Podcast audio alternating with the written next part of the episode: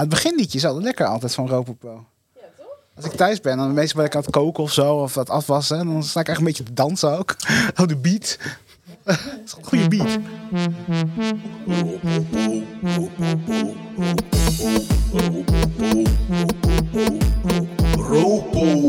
De Rotterdamse politieke podcast.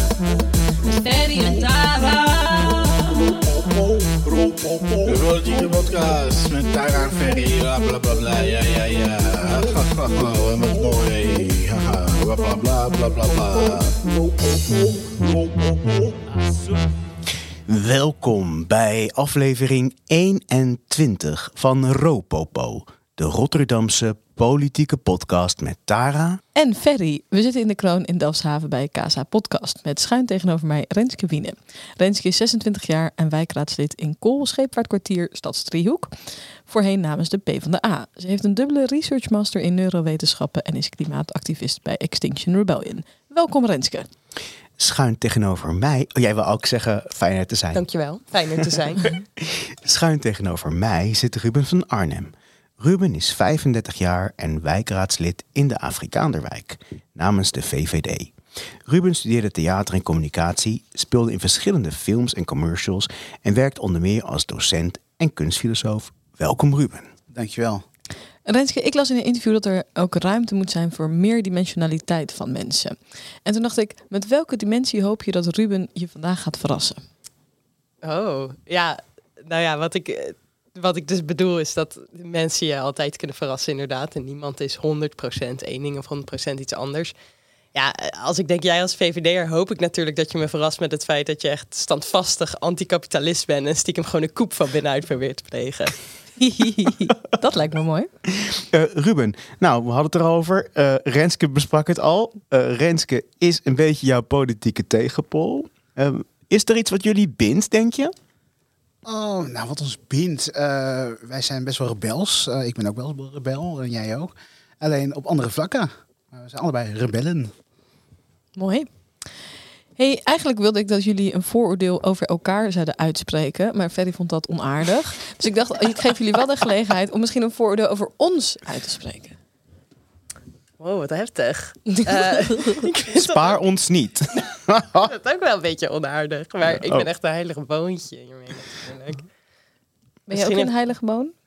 Nou, nee hoor, zeker niet. Eh, als we gaan kijken. ehm, ja, ik ben Ferry nog nooit tegengekomen in de stad. Maar ik weet al wel in welke tenten hij te vinden is. Oh. Oh, wie heeft je daarover ingefluisterd? Ja, eh, ik weet niet. Zag ik jou laatst bij Loge 90? Nee, dat was ik echt niet. Ik ben echt sinds 1990 niet meer in Loge 90 geweest. Met een dubbelganger. ja, vast wel. Nee, Loge 90 daar moet ik eigenlijk een keertje naartoe, zeg. Hebben ze daar ook oesters eh, op de bar, of niet? Helaas niet. Nee, nee, nee. Maar ik, ik heb ze altijd bij me. Dus eh, vandaag ook voor jullie. Kun je er iets over vertellen? Je hebt iets voor ons meegenomen. Echt super Ja, aardig. zeker. Ja, ja jullie over mensen belachelijk maken. Ik, word, ik, ben Mr. Oester, word ik vaak genoemd. VVD'er, hou van oesters. En ehm, jullie hadden het ook een keer in de podcast over die oesters. Dus ik dacht, weet je wat, ik neem oesters mee. En ik dacht, ja, waarom hou ik van oesters? Nou, normale kinderen krijgen als ze klein zijn soep met balletjes. Mijn moeder maakte soep met oesters.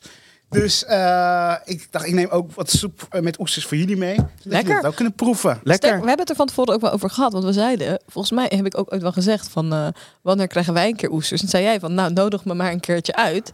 En zo geschieden. Die zitten we met onze Ja. oesters. Een man een man, een woord een woord. Renske, had jij vroeger ook soep met balletjes thuis?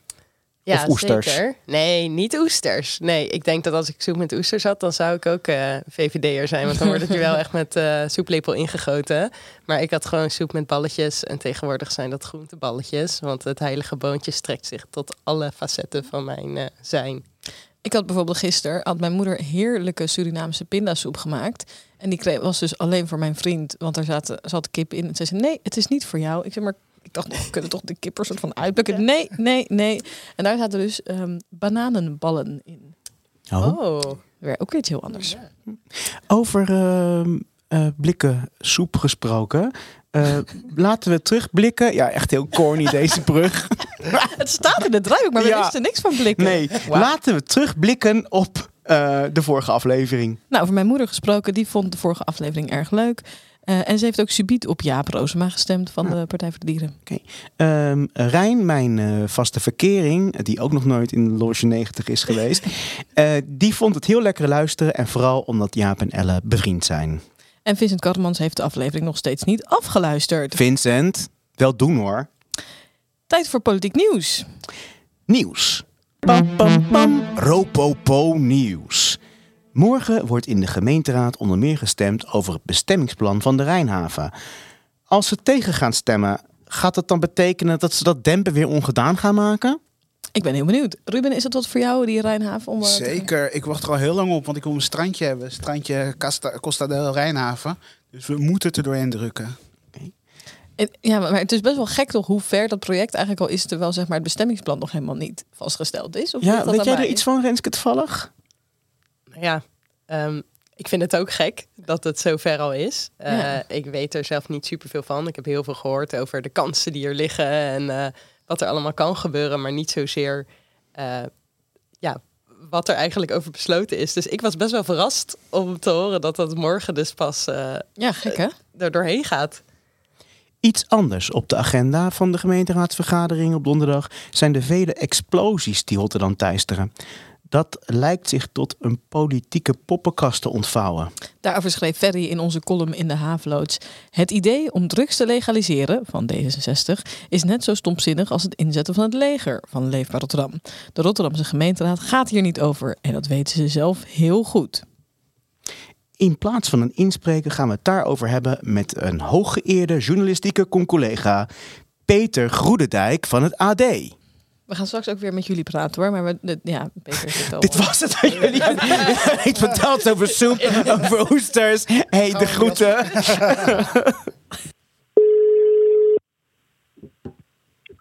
Met Peter. Hoi Peter. Hoi Peter. Hey, Hallo. fijn dat we, dat we even mogen inbellen bij jou. Ehm, hey, Altijd. Dat debat morgen in de gemeenteraad, als we trouwens, als de mensen dit luisteren, is dat debat al geweest of gaande. Dat debat, dat gaat er eigenlijk nergens over. Dat is toch gewoon voor de bühne. Als je het over die Over de explosies, de gemeenteraad gaat het toch helemaal niet over. Over het leger inzetten wat leefbaar wil. Of over het drugs le- legaliseren wat D66 wil. Eh, nee, daar heb je een punt. Eh, eh, je zou ook überhaupt verwachten dat dit een onderwerp is waar je eigenlijk niet over van mening kunt verschillen. Hè? Ik bedoel, eh, die explosies zijn vreselijk en de politie moet zijn best doen om, eh, om die lui op te pakken. Ehm, maar ik, ik- het, het komt toch een beetje door, eh, door een opmerking die Abu Talib eerder heeft, heeft gemaakt. Wat zei, wat zei Abu Talib heeft, ja, Abu Talib heeft in maart tijdens een eerder debatje hierover, toen stond de teller geloof ik op eh, 25 explosies. Toen heeft hij gezegd, dit komt door ons succes. En wij, wij vangen nu zoveel drugs in die haven en daardoor ontstaat onrust en, en daar is dit een, een direct gevolg van. Ja, en dat, dat heeft, eh, of dat nou helemaal waar is of niet, dat is overigens een, eh, nog een interessante vraag. Maar, maar dat heeft wel eh, uiteindelijk deze discussie veroorzaakt. Want bijvoorbeeld D66, eh, toch een coalitiepartij, die zegt: ja, wacht eens eventjes. Als dit het effect is van al die drugsvangsten, stop er dan maar mee. Ja. Waarom moeten we deze strijd dan eigenlijk voeren? En is deze war on drugs van Abu Talib, want zo wordt het een beetje genoemd inmiddels, is dat dan nog wel de manier om de stad veiliger eh, te maken, of juist niet? Nee, en leefbaar En staat er heel anders. Sorry dat ik in val. Nee, ja, in die zin is het dus ook weer wel een, een Rotterdamse discussie. Hè? Want wij, wij, wij merken allemaal in onze straten, het is bij mij om de hoek ook gebeurd, eh, eh, wel wat dit voor gevolgen heeft. En leefbaar staat er inderdaad radicaal anders in. Hè? De, de- de legalisering is, is typisch D66 om daar nu over te beginnen. En zo is het ook typisch leefbaar om nu te beginnen over misschien het inzetten van het leger, tuchtscholen. Hè? Ook een klassieker die, eh, die eh, nu weer naar voren komt. Ging daar ook Eh, die en- uitspraak van Leefbaar raadslid Ingrid Conradi over wat heeft D66 nu weer gebruikt? Ja, dat klopt. Dat ging inderdaad over het idee van, van Agnes Maassen van D66 om nu te beginnen over legalisering. Maar En, even, waar, waarom doet van- ze dat als wetende dat, zeg maar, dat je daar als gemeenteraadslid toch helemaal niks over te zeggen heeft? Zeg maar waarom Nee, komen maar niet goed, met plannen of voorstellen die daadwerkelijk binnen de jurisdictie van een gemeente vallen? Ja, nou, dat, dat is overigens een terechte vraag hoor. Maar het, het is natuurlijk wel zo dat je ook, ook in een stad waarin, eh, misschien wel de stad waarin dit, dit speelt, waarin de drugs binnenkomt, eh, maar waarin we ook de ellende voelen van die hele handel. Om daar te zeggen, we gaan die discussie nu eens beginnen. En die kan uiteindelijk natuurlijk, ik bedoel, heel Nederland kijkt naar Rotterdam, zeker in dit soort, eh, op dit soort momenten. Eh, kan zo'n discussie best wel een breder gevolg krijgen. Ik ben het volledig met je eens. Rotterdam gaat hier absoluut niet over. En wie het trouwens ook volledig met je eens is, is de burgemeester. Want toen ik hem dit vorige week voorlegde dat D66 hiermee zou komen, toen eh, verslikte hij zich bijna in een kauwgompje. Hey, maar, maar En- het, debat is, het debat is aangevraagd door D66, VVD en Leefbaar. Met z'n drieën hebben ze het debat aangevraagd. En vervolgens... Ja, met, met, met, met, met verschillende intenties inderdaad. Eh, hè, dus dus het is, eh, zo'n debat is natuurlijk ook fijn om, eh, om onderlinge verschillen nog eens eventjes uit te vergroten richting, richting de kiezer. Want de, de veel leefbaarstemmers zullen denken, gelukkig, mijn partij is nog niet gek geworden. En, en blijkbaar schat D66 in dat een flink deel van de achterban het interessant vindt om er op deze manier naar te kijken. Dus het is eigenlijk een poppenkast puur voor de bühne. Nou, dat is ook weer wat overdreven. Kijk, het is op zich natuurlijk niet verkeerd om hier een debat over te voeren. En, en het is het thema in de stad op dit moment. Zou natuurlijk ook een beetje gek zijn wanneer je dan weer als gemeenteraad bij elkaar zit en het daar helemaal niet over gaat. Ehm, bovendien, er zijn wel wat kleine spannetjes op dit moment tussen Leefbaar en D66. Hè? Niet alleen hierover. Het is wel eens gezelliger geweest. Over de LHBTQI-discussies eh, die er worden. Ja, en vorige week hadden we bijvoorbeeld, ja, eh, pas ging het nog behoorlijk los over het, eh, eh, hoeveel aandacht we nou precies aan het slavernijverleden moeten, eh, moeten besteden. Eh, afgelopen week was eh, de voorman van Leefbaar eh, van de fractie, Bart Eh, van Drunen, te gast bij. Ongehoord Nederland. Ja, Ongehoord Oh, Nederland, dat is Oh nog ja, wel even. Ja. wel even een verschil. Ja. Eh, dat, viel, dat optreden viel ook bepaald niet lekker bij D66. En de reactie van D66 daarop viel dan weer slecht bij Leefbaar. Nou ja, zo, zo loopt de spanning wel een beetje op. Wel grappig. Dus ik sluit ook niet uit dat we daar nog wel iets van gaan merken eigenlijk, morgen. eh, Je verwacht natuurlijk eigenlijk dat Denk en Leefbaar de grootste campanen zijn binnen deze coalitie. En dat lijkt dan toch een beetje een andere kant op te gaan. Nou ja, we hebben het er eerder in, eh, in, eh, in jullie programma wel eens over gehad dat dat inderdaad in het begin de grootste botsing was, hè, Ja. denk en, en leefbaar. Maar als je echt kijkt naar de inhoudelijke eh, eh, agenda van, beide, van al die partijen in de coalitie, ja, dan zit D66 natuurlijk het verst van die andere drie partijen af en zeker het verst van, eh, van leefbaar af. Ik denk op zoveel cruciale onderwerpen totaal verschillend. En dat veroorzaakt inderdaad ook zo'n reactie van, eh van Kouradi, die sowieso eh, de aandacht behoorlijk op zich weet te vestigen de laatste tijd. Wat heeft D66 nu weer gerookt of gebruikt? Ik weet het niet meer precies. Hmm. Hey, en, maar dat, dat laat wel zien hoe groot die verschillen zijn, ja. hoe komt de VVD morgen uit dat debat? Gaan zij zich opstellen als het redelijke midden? Ja, ja, redelijke midden wil ik niet zeggen, maar het, het, het, redelijke rechtse, zal ik, zal ik dan maar zeggen. Eh, en en natu- natuurlijk de partij van, ook, eh, ook de partij van, van Law and Order, maar dan, eh, maar dan even zonder het eh leger- en tuchtscholen inzetten. Eh, ik denk dat eh Lansink, eh, de voorman van de VVD-fractie, vooral een heleboel eh, vragen geeft aan Abu Talib en hoe hij kijkt naar die actuele situatie. Wat ik bijvoorbeeld een hele interessante vraag vind is, Abu Talib, denk je nou echt nog steeds dat dit het gevolg is van ons succes in de haven? Of is het misschien zo dat, hè, wat, wat niemand durft dat namelijk te bevestigen, die theorie van, eh, van Abu Talib. Of is er misschien toch iets anders aan de hand? Nou, ik denk Eh, wel dat de er best wel criminelen veel... gewoon een- eh, ik denk dat er wel veel jongens een beetje werkloos zijn sinds het uithaler zijn een niet zo'n lucratieve bezigheid meer is geworden, toch? Ik weet niet hoe jij er naar kijkt. Maar... Nou, er wordt nog steeds ongelooflijk veel eh, uitgehaald. En, en, en kijk, het, de theorie dat dit het gevolg is van het succes van die drugsvangsten, hè, dus dat, dat er blijkbaar nu zoveel gevangen wordt, dat dat leidt tot enorme spanningen. Nou, dat, dat, ik heb echt rondgevraagd. Ik hoor niemand zeggen, inderdaad, dat is nou de oorzaak van deze eh, regen aan, aan explosies. Is Eh, dit is gewoon een eh, nieuwe manier die de onderwereld heeft gevonden om, om dit soort conflicten uit te, te vechten. En tot voor kort werden er ook niet heel veel mensen voor opgepakt. Hè. Dus ook anders dan een liquidatie. Daar zit je gelijk 25 regisseurs op. Ja, dat was tot voor kort bij zo'n bij zo'n ontploffing niet. Inmiddels is het trouwens wel anders, hè, want het krijgt iets minder aandacht. Maar de politie heeft inmiddels echt tientallen gasten opgepakt voor, voor deze reeks.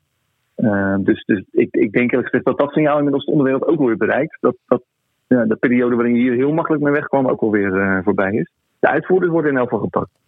Nou, toch wel een sterk staaltje spin-doctoring eh, van, van Abu Talib. Ja, ja, ik- ik geval. Ik, zeker, dat wel, ja. Maar, maar of, dit, nou ja, of deze regen aan explosies het gevolg is van het succes van Rotterdam, van zijn tussen aanhalingstekens war on drugs, ja, dat waar ik toch eerlijk gezegd wat te betwijfelen. Dus ik denk dat het daar ook nog wel over zal gaan eh, morgen. Het En wordt geen daar-. En daar ga jij dan een stukje over schrijven, neem ik aan, eh, morgen. Ja, en de, luisteraar, en de luisteraar heeft dat waarschijnlijk al gelezen als hij dit hoort. Dus ik hoop dat mijn voorspelling een beetje uitkomt. hey Peter, hartstikke bedankt. Dankjewel, Peter. Met plezier. Hoi, hoi. Hoi. Renske en Ruben, wat zouden op lokaal niveau oplossingen zijn voor de vele explosies? Zien jullie dat als iets waar je ook juist op lokaal niveau mee aan de slag zou moeten? Jazeker. Ja, mijn partij, de VVD, is sowieso bezig met de veilige schoolroute. Want eh, je ziet dat eh, kinderen vaak eh, van school naar huis gaan en niks te doen hebben. Ouders werken en gaan dus hangen. En dat moet je dus niet hebben. Ik zeg altijd, je moet een vol programma hebben. Dus stuur die jongens naar een sport toe, huiswerkklas, hobbyklas, et cetera. Ik zeg altijd, toen ik jong was, had ik geen tijd om te hangen, want ik had een druk programma. Geef ze een druk programma, zodat ze niet gaan hangen of ja, in de haven klusjes gaan doen. Hmm.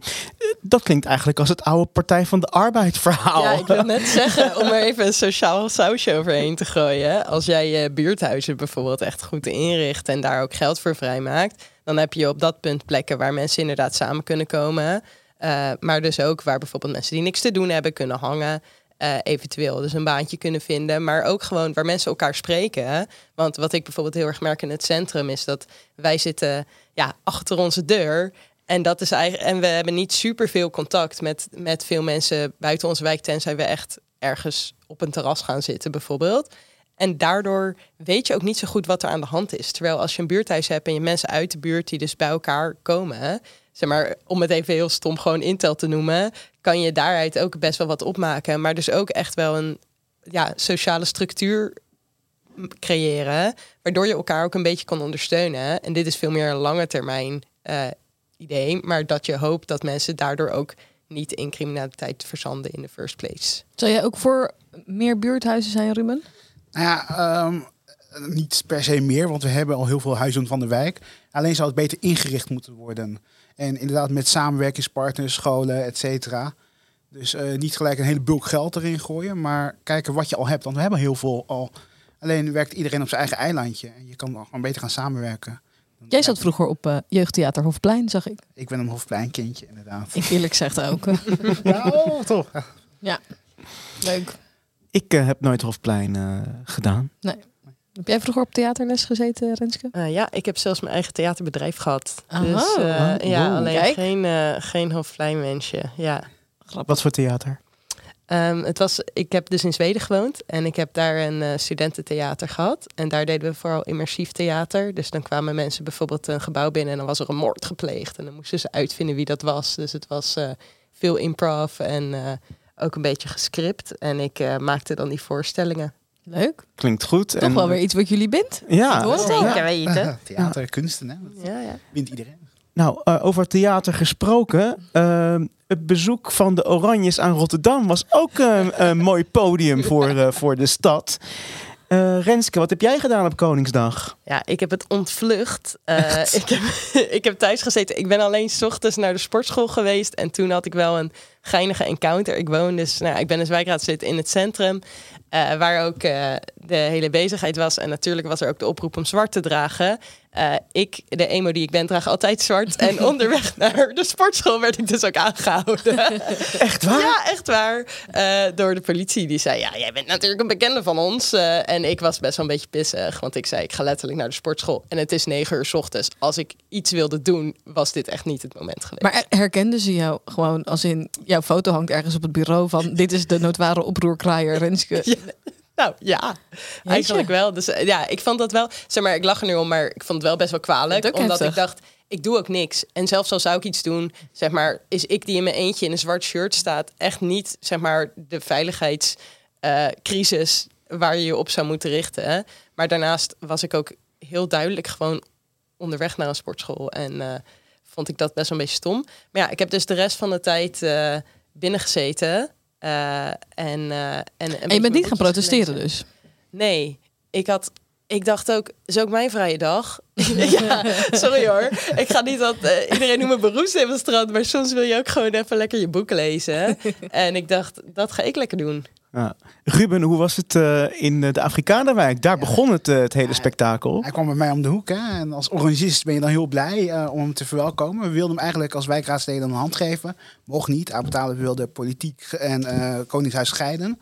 Dus eh, Was dat heel teleurstellend? heel teleurstellend, maar het was wel heel gezellig. Ik heb met heel veel bewoners gesproken, winkeliers, ook met actievoerders. Normaal heb ik er niet zo heel veel mee. Maar we hebben goede gesprekken gehad. En ik heb ook duidelijk gemaakt van ik betaal niet zo graag belasting. Maar met liefde betaal ik belasting voor het Koningshuis. dat zullen ze je ook niet in dank hebben Nee, afgenomen. dat was mij precies omgekeerd. Maar het was heel gezellig. Het was één groot feest voor iedereen. Ik zag iedereen lachen en ja, dat deed mij heel goed. Dat, konden wel, dat was een beetje een, een doekje voor het bloeden dat je niet Willem-Alexander een hand hebt kunnen geven. Daarom, ik heb hem wel gezien en Amalia ook. En ja, het, ja ik ben heel trots Wie op is jouw favoriete koningshuislid?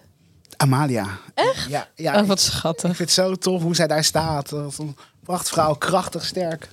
Leuk. Dat hoor ik nou niet vaak. Meestal is het Maxima, Ja. toch? En- Dus, eh, Hey, Ruben, ehm, jullie hebben als wijkraad echt een officiële brief gestuurd aan de gemeente met het verzoek of jullie eh, de koning een handje mochten geven. Ja, heel wanhopig inderdaad. Was dat, was dat jouw idee onder nee, andere? niet eens, niet eens. Nee, als een collega van mij, eh Marielle Waterberg, die wilde dat heel graag. En ik heb dat uiteraard gesteund. En toen we ook een reactie terugkregen, dacht ik, huh, eh, politiek en eh, eh, Koningshuis scheiden. Maar Abetale, de burgemeester, is er ook politiek? Hoe zit dat nou? Uiteindelijk bleek ook dat een verhaal, ja, het was te laat voor de accreditatie. Dat Ja, was dus- ook zo'n ja, soort eh, keuring excuus. heen en alles. Ja, ik zei, desnoods wilde ik die prinsesjes een bloemetje geven. Laat me dat in ieder geval doen. Maar, Ja, ook Maar dat zat gezellig. er niet in. nee. de regels voor wijkraadsleden zijn wel heel streng. Want toevallig las ik dus ook dat. eh, ik wist natuurlijk, nou, eh, dat voor de luisteraar thuis, uh, Renske van Wiene wa- was ook even in het nieuws, omdat het best wel lang duurde voordat jij werd geïnstalleerd als wijkraadslid. Omdat de verklaring omtrent eh, gedrag eh, even op zich liet wachten, omdat je wel eens bent opgepakt tijdens demonstraties. Maar de bizarre is dus dat, dat gemeenteraadsleden en volgens mij ook Kamerleden, die hebben helemaal geen VOG nodig. Maar Ja. wijkraadsleden dus wel. Dus daar gelden strengere eisen voor. Klopt, hier wordt wel op teruggekomen. Ehm, dus eh, dit, nou ja, voor de volgende lichting wijkraadsleden is dit niet meer het geval.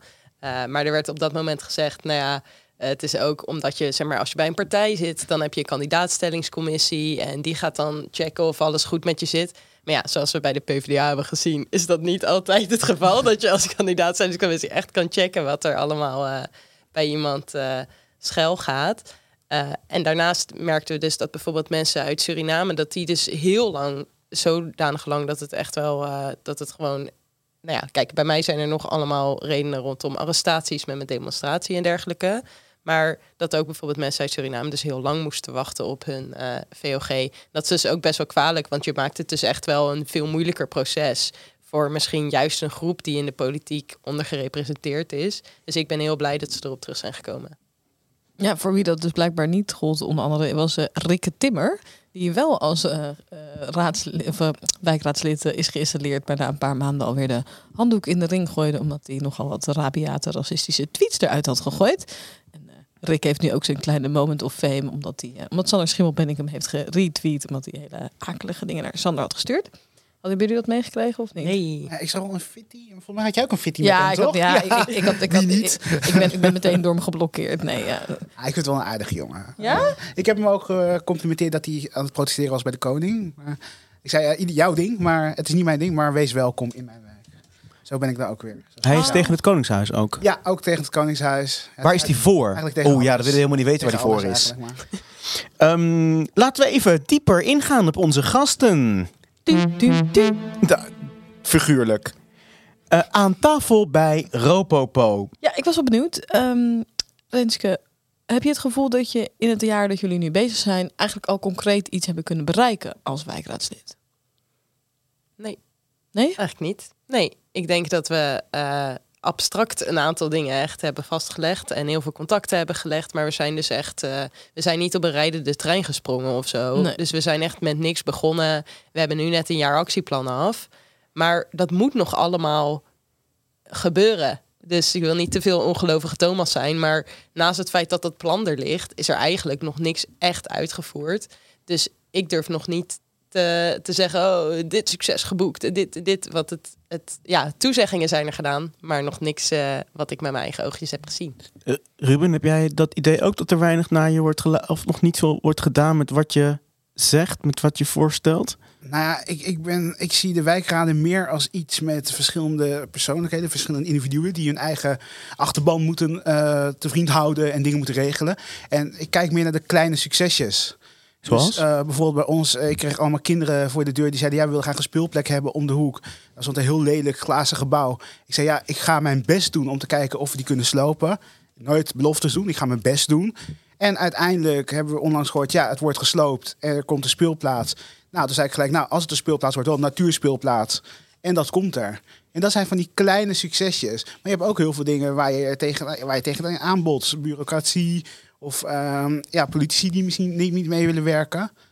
Dus ja, eh, Maar dat is wel heel concreet iets wat je hebt kunnen bereiken. Dat lijkt mij ook heel veel voldoening geven, toch? Dat je weet, hé, hey, hier heb ik iets aan kunnen bijdragen. Klopt. En, en wat ik zie bij ons, bij ons in de wijkraad, maar ook in andere wijkraden, zijn er sommige mensen die heel erg eh, met passie daarin komen. De buurtvaders, de buurtmoeders. En die denken, alles moet nu geregeld worden. En dan denk je, ja, welkom in de wereld van bureaucratie. Het duurt gewoon heel lang.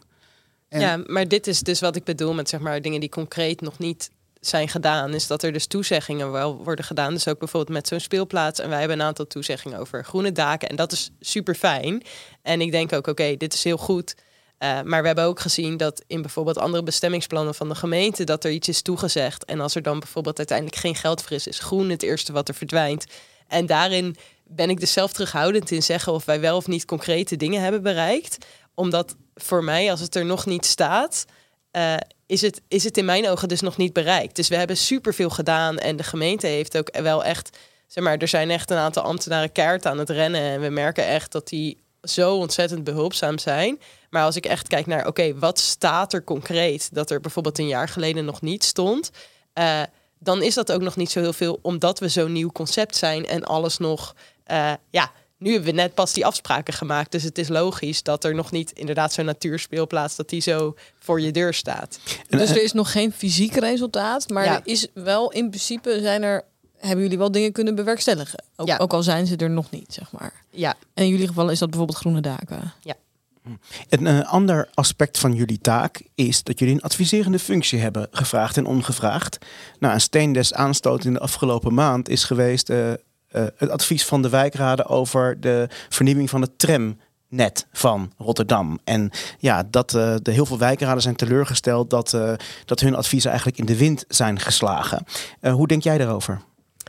Nou ja, wij zijn een van die wijkraden die teleurgesteld is. Wij hebben ook eh, in eerste instantie eh, in, onze, eh, in ons advies ook geschreven van... joh, waar is er precies ruimte? En als er eh, zaken zijn waarop jullie willen dat we adviseren... al is het dan niet, moet die wel of niet blijven... maar gewoon, eh, waarom zou dat zijn? Of op welke tijden zou die wel meer frequent moeten rijden of zo? Eh, nou ja, daar, we, we hebben dus ook aangegeven van... joh, als je er toch niks mee gaat doen, dan, dan is het voor ons een beetje wel blij maken met een dode mus. Dat wij naar allemaal bewoners gaan en zeggen: hey, wij komen allemaal input ophalen over de tram. Eh, om vervolgens te horen: ja, jullie hebben je tijd hier aan besteed. Maar het besluit stond eigenlijk al vast. Want precies dezelfde redenen eh, zijn voor en na ons advies gegeven. Ja, wij zijn er wel teleurgesteld over en maken ons ook wel een beetje zorgen dat het, zeg maar, dat dit continu zo door gaat lopen. Dat we een beetje de participatiepop vasthouden, maar eh, dat we nooit echt zeker weten of dat is zodat de gemeenteraad kan zeggen: ja, wij hebben echt met eh, bewoners via de wijkraden gepraat, of dat het is omdat, omdat er echt ruimte is voor die participatie en wij gewoon niet weten waar die ruimte dan precies zit. Ruben, eh, oh ja, sorry. Ruben, eh, hoe was het advies vanaf de Afrikaanderwijk ten opzichte van het tramplan? Nou, we hebben daar niet echt direct advies over gegeven, omdat de trams eh, bij ons op Zuid allemaal rijden en blijven rijden. Dus wij hadden er zelf niet zo heel veel last van. Vind je het nog, eh, voel jij nog de, zeg maar als je dan eh, bijvoorbeeld hoort eh, dat er dan kritiek is op zo'n plan van jouw wethouder Vincent Karremans, z- zeg maar, z- vind je, zou je het nog lastig vinden om daar kritisch op te zijn of heb je daar geen last van? Nee, zeker niet. Ik ben altijd kritisch. En er was ook onlangs iets waar we het niet mee eens waren met inderdaad Vincent Karremans. En toen hebben we dat ook aangegeven. Wat was dat en dan? ik ga dan ook met hem in gesprek. Ja, dat was over het eh, wel of niet sluiten van een, een, een vuilinstallatiesysteem om dat, eh, voor de markt. Oh ja. Dus, en daar hebben we gewoon wat kritische vragen over gesteld. En dat moet ook zeker kunnen, vind ik. Dat mooie her, herbruiksysteem, zeg maar. Ja, het recycling systeem Ja, van de markt. Het recyclestation. Ja, ja. En het wordt niet gesloopt, gesloopt hoop ik toch? Nee, nee, het wordt juist uitgebreid. Oh, maar er waren wat onzekerheden. Dus of het nou wel of niet door zou gaan. Dus, maar ze zijn lekker bezig. Dus. Eh, komende zaterdag is er een bijeenkomst in Theater Zuidplein met alle wijkraden. Gaan jullie daarheen? Nee, ik heb dus een powerlift-wedstrijd. Dus- En daarna gaat ze op vakantie. Ja, en, dan ga ik daarom, ja, meteen weg. ja, en daarom drink je dit dus niet mee van onze bubbels. Ja, correct. Ik ben eh, heel hard voor mijn eh, spieren aan het zorgen. op En, het eh, wat is je record of wat is je doelstelling voor deze wedstrijd? Nou, mijn doel is om een totaal van 400 kilo te tillen. Dus eh, een, voor de kenner een 190 kilo deadlift, een 130 kilo squat en een 80 kilo bench press. Wil je je spierbal even laten zien? Ja, is goed. Moeten jullie allemaal oeh en aan. Wow, Ja, ja, ja, oh, tuurlijk. wauw. Als we Wow. allebei doen is het heel stoer. Kijk. Wauw, dit ziet er, eh, dit ziet er indrukwekkend uit. Eh, Geen ruzie met jou krijgen. Nee, dus. Nee, Geloof het maar, luisteraar. Ruben, jij bent er wel bij eh, zaterdag. Nu laat ik even de vraag, sorry, laat ik even de vraag terugstellen. Renske, als jij geen wedstrijd had gehad, dan was je er wel gewoon heen gegaan? Ja, absoluut. Oké. Eh, Ruben, eh, jij gaat erheen en welke, ja, met welke doelstelling? Wat, eh, wat wil je bereiken? Nou, ik vind het altijd fijn om met andere wijkraadsleden te praten. Ehm, ik ben wel heel erg kritisch op het concept. Want soms denk ik ook, eh, waar ben ik aan begonnen? Ik noem het ook een experiment. Ik ben ook echt een voorstander van eigenlijk wijkraadsleden met alleen politici. Ehm, want ja, je merkt gewoon dat er sommige mensen erbij zitten die ja, soms van geen kaas hebben gegeten, een beetje incapabel zijn soms zelfs. Soms de Nederlandse taal niet eens machtig zijn. En ja, dat werkt. Dat is toch niet erg? Nou ja, Er zijn toch meer Rotterdammers die de Nederlandse taal niet per se machtig zijn? nou, maar als ik met iemand in debat wil gaan, dan wil ik wel weten waarover je het hebt. En Ja, dan moet je gewoon waarop- wat beter je best doen. Nee, maar als je iemand niet Ja, maar begrijpt... ik vind het echt. Er is een wijkraadslid in Ommoord die in opspraak waar gewoon gedoe over is geweest. Omdat zij dus, omdat zij inderdaad niet, ja, zij is gewoon een vlucht, zij is een vluchteling en zij spreekt niet vloeiend Nederlands zoals wij, jij en ik hier allemaal die allemaal in Nederland zijn geboren. Ehm, en zij krijgt inderdaad echt opmerkingen naar haar hoofd als eh, ja stop maar met praten, want we kunnen je toch niet verstaan. Ik vind dat echt heel kwalijk, want diegene is super betrokken, zet zich super goed in. Alleen je moet inderdaad misschien voor een debat net iets meer tijd nemen, net iets meer energie ehm, opbrengen om daadwerkelijk het inhoudelijke gesprek met haar aan te gaan. Maar ik vind dat iemand de Nederlandse taal niet machtig is, zou toch echt geen reden moeten zijn dat iemand geen wijkraadslid kan zijn. Ah, ik vind als je met elkaar in debat gaat, dan moet je elkaar wel kunnen begrijpen en begrijpen wat iemand zegt. En natuurlijk, het is echt niet erg of je een accent hebt of dat je nog niet helemaal vloeiend Nederlands spreekt.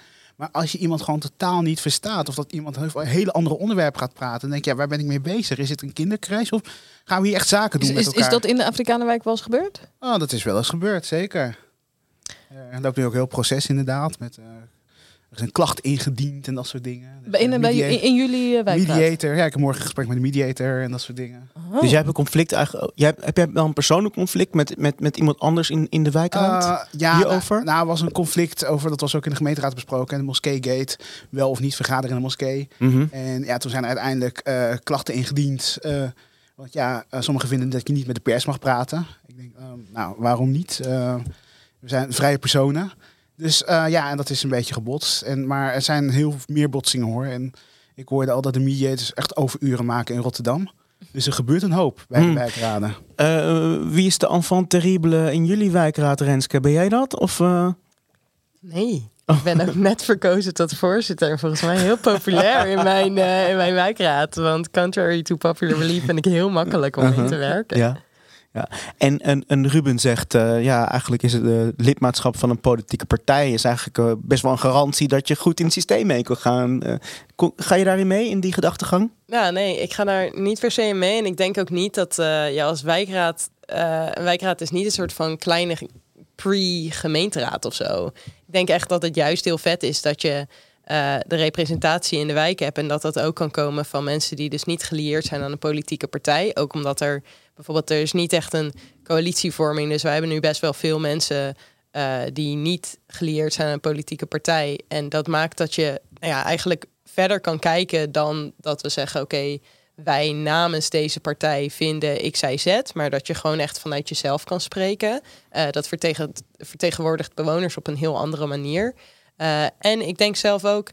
Uh, politiek is gewoon breder dan politieke partijen. En zeker nu. Ik bedoel, elk, elk nieuwsbericht, elke dag is dat uh, het vertrouwen in de politiek een all-time low is. Ik denk een manier om dat uh, weer omhoog te krijgen is om te laten zien dat politiek veel breder is dan dit. En om juist mensen die uh, niet zich bij een partij vertegenwoordigd voelen, maar wel bijvoorbeeld in een wijkraad goed hun stem kunnen laten horen, dat je die juist daar een plek geeft om ook mensen te laten zien, hé hey joh, zo kan het ook. Speelt deze overwegingen ook mee in jouw besluit om uit de Partij van de Arbeid te stappen? Nou, dat, het was wel echt een uh, principiële overweging. Ik denk dat als het me de wijkraad uit had gezet, dat ik dan alsnog was vertrokken. Um, omdat ik het echt zo kwalijk vond. Eh, ja, even voor de luisteraar. Ehm eh, Renske is eigenlijk heeft, is gebleven in de wijkraad, maar heeft wel gezegd dat doe ik niet meer, niet meer namens de PvdA. Omdat je eigenlijk vond dat de Partij van de Arbeid ehm, bij het vertrek van eh Narsing Bawansing als gemeenteraadslid, die eigenlijk kort gezegd huisjesmelker bleek. Jij vond dat de partij daar niet goed op had gereageerd. Je vond dat hem eigenlijk best wel een beetje het hoofd, eh, het hand boven het hoofd werd gehouden, toch? En Ja, eh, veel te mild werd gereageerd. Ja, zeker. Dat er dus gezegd wordt, joh, je zit niet meer in de raad, zodat hij zijn werk op zeg maar goed huismeesterschap kan voortzetten. Terwijl het was niet, het, het, het was niet goed in de first place, zeg maar. Daarom was, er ook, was het ook in het nieuws. Ehm, maar ook om dus te zeggen, eh, zeg maar, ik wist hier niks van. Ik zat in het bestuur toen hij op de lijst werd gezet. Eh, en de kandidaatstellingscommissie wist het ook niet. En dan vind ik het best wel heftig dat je als top dus zegt... ja, maar hij is wel een goede vent. Alsof het zeg maar bekend was bij ons allemaal. Eh, en om dan dus ook te zeggen... eh, maar we vonden het niet erg. ja, ja, precies. En, en ik dacht, nou, kijk, ik ben ook met bijvoorbeeld met Pompenburg. daar is natuurlijk ook veel te doen met, met wel niet slopen. Hoe goed luistert de gemeente naar de mensen die er echt wonen? Ik ben daar iemand die met zoveel mogelijk partijen in gesprek is. Ondertussen merk ik dat zo'n PvdA een soort steeds grotere wolk boven mijn hoofd hangt. Een partij waar ik in eerste instantie dacht, ik ga erbij in de hoop hem te veranderen en echt weer dat sociale eruit te halen. Ja, ik zie dat het vooral mij aan het veranderen is. Dan ga ik liever door eh, op mijn eigen titel. En als het zou betekenen dat ik niet door zou gaan, denk ik dat ik het dus alsnog zou doen. Eh, omdat ik dus ook wel vrij principieel ben. En dacht, nou ja. Ik zal vast niet de eerste zijn die dit vraagt, maar was je überhaupt ooit bij de PvdA op de juiste plek? Ah, dat weet ik niet zo goed. Ik, ehm, eh, nou, kijk, de PvdA is natuurlijk wel ontstaan vanuit ook eh, protestbewegingen en vanuit de vakbonden. En dat vind ik allemaal echt super vet. En ik dacht, oké, dit is echt dat organiseren en toch heel erg eh, geloven dat je binnen het systeem dingen kan veranderen. Ik was daar in eerste instantie wel eh, heel positief over. Eh, maar ik heb dus ook een tijdje bij de PvdA op het partijbureau gewerkt. eh, en dus ook tegelijk in het bestuur gezeten.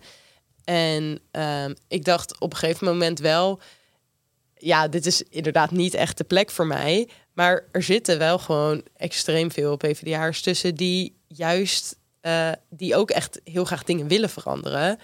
En, en, en, en bij die groep pas ik wel heel goed, maar ik weet gewoon niet of dat de meerderheid is. Is er een andere partij waar je beter zou, bij zou passen, zoals je dat nu bekijkt?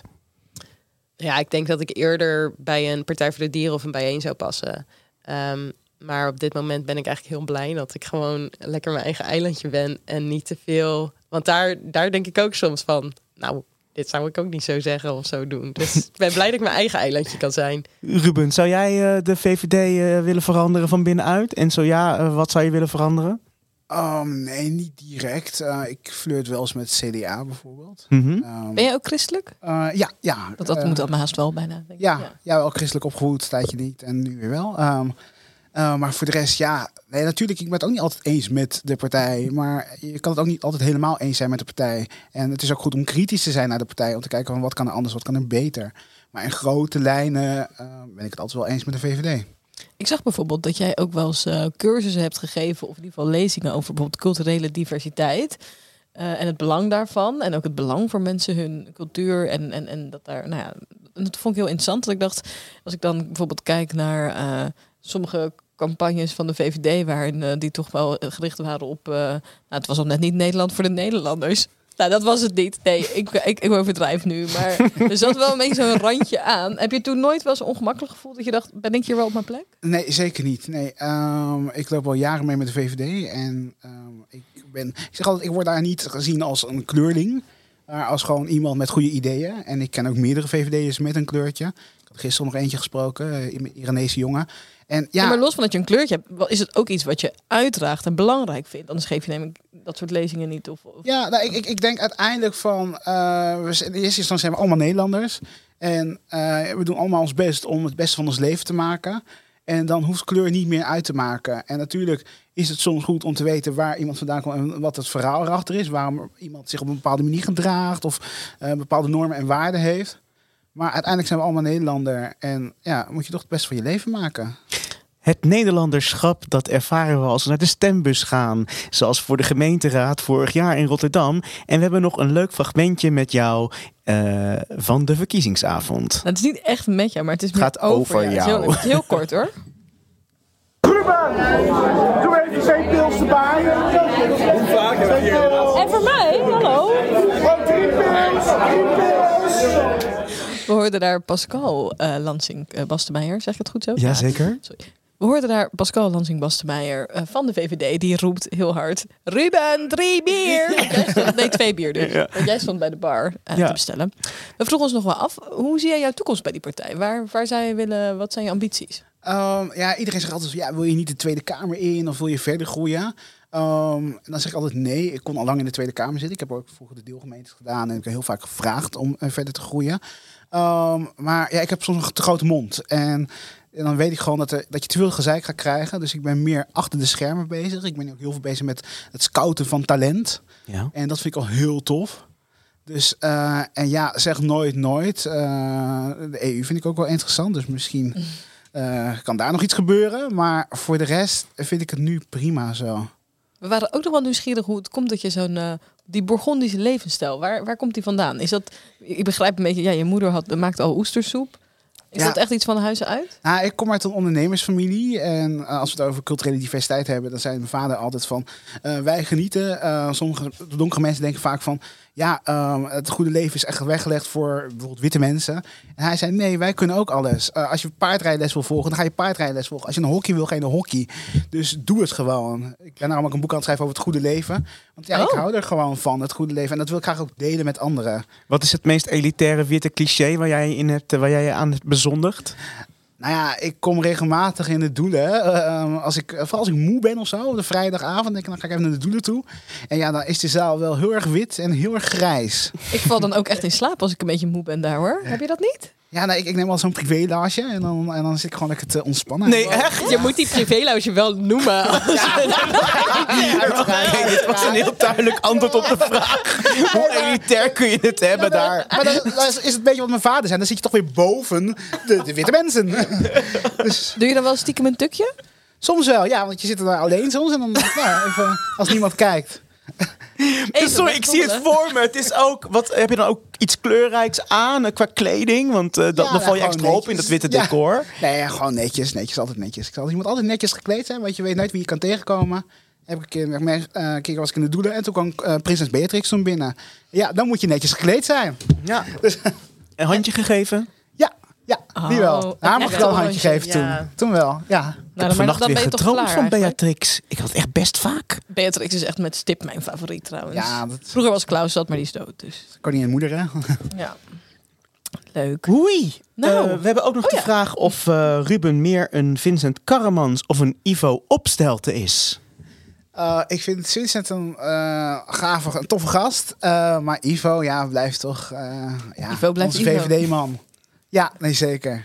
En toch ook misschien wat meer, die, die, die straalt ook wat meer dat levensgenieten uit. ik. Zeker, ja, zeker. Dat ik een beetje kralingen... Vincent is meer eigenlijk een beetje van de deadlifts. Die zit eigenlijk toch meer... eh, Vincent en ik gaan naar dezelfde sportschool. Kijk, daar heb je het al. Ja, Oh, ja. ik was wel kort aan het overwegen om te switchen toen ik hem binnen zag lopen. Maar, eh, Ja, gaat Zo dat zo ver? ja, ik dacht wel, oh man. dus, eh, ik heb gewoon, het is gewoon heel erg mijn plekje. Ja. Zeg maar. Ja. En nou ja, het is niet mijn plekje. Er gaan genoeg andere mensen naartoe. En dus crossfit, dus dan ben je best wel veel met elkaar ook bezig, Ja, toch? maar ik crossfit dus niet, zeg maar. Ik Ah. sta er een beetje naast andere dingetjes te doen. Eh, dus ik blijf, zeg maar, wel veel buiten zicht. Maar ik dacht gewoon, ik heb er gewoon geen zin in om het dan, weet je wel, dan, dan stel ik ga ergens inspreken en je bent het helemaal met elkaar oneens of zo. Of hij denkt weer, oh, is, is weer die activist die dingen vindt. Of plak ik me weer ergens vast of zo. En dat je dan de volgende dag zo, oeh, naar elkaar moet zwaaien. Daar heb ik gewoon geen zin in. Ik wil gewoon dat daar niemand weet wie ik ben. En iedereen gewoon denkt, oh ja, dit is, dit is gewoon dat meisje met dat gekke haar. En dat het daarbij blijft. Ik ben wel benieuwd, wie denk je dat er meer een, een zwaardere deadlift kan liften? Ik. Oké, Ik durf... Vincent Karmans, bij deze ben je uitgedaagd om een deadlift eh, wedstrijd bij mij te doen. De Ropopo Challenge. Renske versus Vincent. Dat is Leuk. wel een mooie, een Ja. mooie editie voor een eh, live sessie. Zeker. Nou, dat brengt ons toevallig, gaan we gewoon even daar naar door, de volgende rubriek. Heel toevallig gaan we het eens hebben over Vincent Karremans op de socials. Du, du, du. Politici op de socials. Oftewel, Wat heeft Vincent Karremans nu weer uitgefroten? Nou, hij was de gast bij WNL. Niet bij Ongehoord Nederland, zoals Bart van Drunen. Maar gewoon keurig WNL. Samen met Ivo Opstad. En het scheen echt een onwijze bromance te zijn. eh, las ik overal. Ik heb niet gekeken. Ik heb eh, Vincent voorbij zien komen in een boot met stadsgids Eveline van Wanrooy in het programma van Mitchell van Stadsbeheer. Vincent Karremans bleef echt keihard volhouden dat bakboord rechts was. Nou ja, nee dus. Eh, hij be- ik vond het echt zo opvallend. Hij, dat is, hij zat echt dan helemaal in dat frame van... ik begin door te krijgen dat ik eigenlijk niet gelijk heb... maar gewoon volhouden dat ik wel gelijk heb. En misschien dat mijn opponent stopt met het andere beweren. Ja, het is wel ook een, ook een manier van politiek bedrijven natuurlijk. Ja, dat zal hij ongetwijfeld bij het koor wel hebben geleerd. Dat, die, dat is een beetje die stijl van, eh, ja, in, de, in je discussie. Maar even alle duidelijkheid. Stuurboord is rechts. Stuurboord is rechts. Bakboord is links. Bakboord is links. En wat zei hij toen eh, Eveline van Ra- Wanrooy, jouw collega stadsgids, er uiteindelijk achter kwam? eh, nou, door toch eventjes te googelen, kon ze toch het bewijs eh, aan haar zijde krijgen. Ja, eh, Vincent antwoordde toen eh, met de snedige zin... Gelukkig ben ik geen wethouder van de haven. Ik merk trouwens wel dat ik dit soort programma's met dat hele soort van dat koketteren met dat Rotterdamse, met zo'n Evelien met haar neppe Rotterdamse accent. Ja, sorry mensen, ik heb echt een hekel aan Eveline van Wanrooy. Maar goed, ik moet het even zeggen. Dus vandaar. Knippen we er gewoon uit. Maakt me niks uit. Mag iedereen weten. Iedereen weet het ook al. Maar eh, nee, ik vind het dan. Ik, ik vind Mitchell is een sympathieke gozer. Hebben jullie het gezien toevallig, Mitchell aan de Maas? Ik, ja, af en toe, ik heb niet alles gevolgd, maar ik ben wel fan van Mitchell. Ja, ik ben dus ook wel fan van Mitchell. Ik, ik, ik denk ook wel, ik, ik ken ook wel mensen die denken dat hij het allemaal dat het nep is. Ik denk dat hij best wel authentiek is. Maar dat koketteren met dat, met dat plat Rotterdamse, daar ben ik wel een beetje klaar mee soms. Ik zie, heel vaak dat, ik zie heel vaak dat mensen die juist niet uit Rotterdam komen, echt zo trots op Rotterdam zijn. En ja, inderdaad, het Rotterdammers gaan nadoen. Ja. En vooral jongens uit Hoekse Waard en eh, Krimpen. Renske, betrap jij jezelf wel eens op een eh, Rotterdamse accent? Een natte T of eh, een rollende R? Ja, een rollende R? Soms een beetje. Ik ben Ja? natuurlijk groot fan van bijvoorbeeld Lotte van Eyck. En eh, die kan soms ook wel echt een Rotterdamse accent doen. En dan denk ik, ja, dan ga je dat gewoon overnemen. Omdat het dan zo in je hoofd zit. En Wie vroeger is Lot van Eyck eigenlijk? zij is een, eh, een queer influencer. En zij Ah, doet cool. heel veel, zeg maar, ook voor dikke mensen met mode. En eh nou, het is gewoon een, eh, ze is gewoon lijp. Maar dat, dat zij Lijp is goed, luisteraars. ja, dat zij gewoon dingen op bepaalde manieren zegt. En dat je het dan als soort van grapje overneemt. En dan langzaam maar zeker rolt het gewoon in je vocabulaire. Eh, dat is wel een, eh, ja, die neiging heb ik wel een beetje. Maar dat koketteren met die natte thee, dat, dat- jullie snappen wel wat ik bedoel dan, Ja. toch? Gooi maar in mijn tassie. Dat soort zijn, dingen. wij zijn toch Hofpleinkindjes? Daar leer je gewoon netjes praten, Ja, netjes precies. articuleren. Verbruikende Hey, maar mensen praten even wij ook voor alle netjes, duidelijkheid, eh, pleurt het in mijn tassie. Ja, je kunt het als koketteren zien. Maar mijn tante Hanny, voor de vaste luisteraar wel bekend als eh, inspreker over de kermis, die klote kermis, die- het is echt haar accent. Zeker. En zij vindt het pleurt het in mijn tassie tasje, vindt zij ook echt ideaal. En die heeft zij dus ook. Er zijn mensen die oprecht zo praten en het pleurt het in mijn tassie tasje Die koester ik ook. Ja. Alleen alle, zeg maar, import Rotterdammers die gewoon 22 zijn en blond en met een Gooise R praten, maar die met zo'n tasje lopen, daar spuug ik een beetje op. Sorry. Ja, maar tante gelukkig niet. Hier staat dan verder nog in het draaiboek, very dubbele punt, over tien jaar zijn ze allemaal dood. Nou, dat mag nog niet voor tante Hanny gelden hoor. Sorry, tante Hanny, dat gaat ook niet over jou. Nee. Oh, Ruben, ik kwam nog een leuke tweet van jou tegen. Eh, dat was op 1 mei. Eens kijken of ik vandaag nog een beetje van Parijs kan genieten. De paupers zijn vandaag op 1 mei, dag van de arbeid, massaal de straat opgegaan. Omdat ze blijkbaar te lui zijn om tot hun 64ste te werken.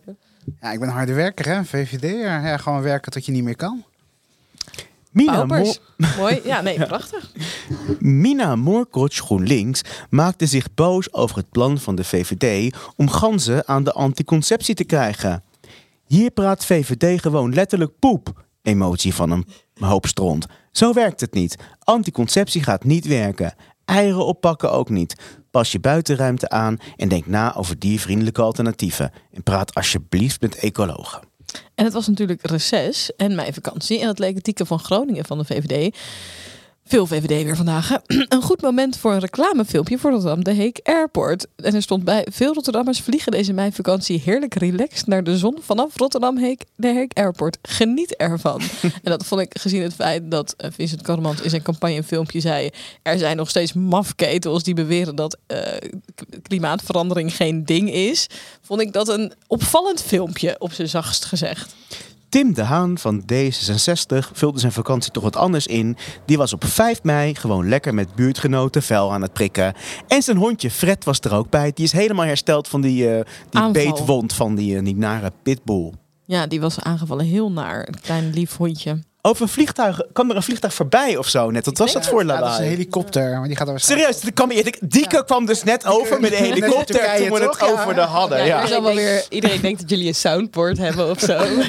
We waren natuurlijk, er was natuurlijk brand op het Heiman Dullardplein. Misschien was dat wel een explosie en zijn ze nu op zoek naar die eh, jongen. Dat is een beetje laat dan. Nou, als het met. Fred en met mijn tricks maar goed gaat dan, eh, en met tante Hanny, dan maak ik me geen zorgen. Het zit erop, luisteraars. We sluiten af met een lied.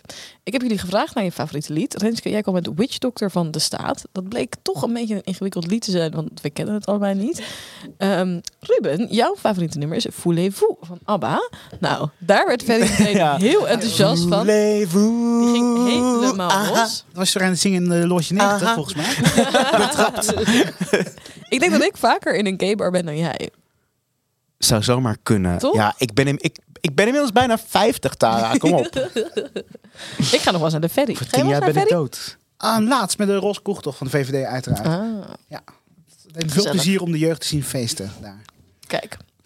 Nou, eh Ferry trapt hem af, denk ik, hè? Ja. En jullie mogen meezingen. Eh, en dat merk je vanzelf wel, denk ik. Even het begin kwijt. Eh, de, de melodie. Even de melodie. Stom. Ruben, de melodie. Ja, ja, ja, ik heb hem, ik heb hem, ik heb hem.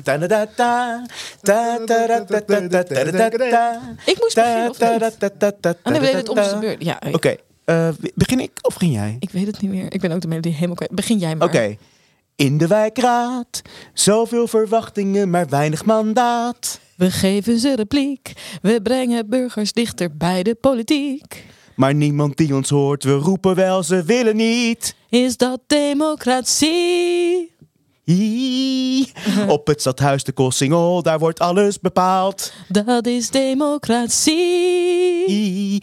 Wijk aan zet. Aha. Wat een wassen neus is dit. Papieren tijger. Niemand neemt ons serieus. Papadapap. Wijk aan zet. Bestuurlijk wangedrocht. Wat doen jullie zo je best? De vraag is, komt de wijk aan zet? Wijk aan zet.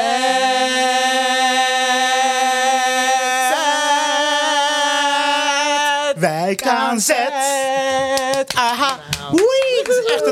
Liedje ooit. Het is de meest geslaagde ooit. Nou, of kleinkindjes, hè? Dan Ja. krijg je dat. Dit is echt Gek. Tara en, Ferry bij Eurovisie volgend jaar. Dan Ik, eh, halen we op zijn minst de finale. Dat is wel, ja. Dankjewel Renske, dankjewel Ruben. Alsjeblieft. Dank jullie wel, luisteraars. Doei. Dan zijn we er, toch? Oh, wauw, wauw. Dat ik dan weer andere Nikes aan heb. Mooie kuiten. Super cool. Ik hou hem wel vast, is een soort superster. Meer podcasts beluisteren van Open Rotterdam? Je vindt ons via je favoriete podcast-app.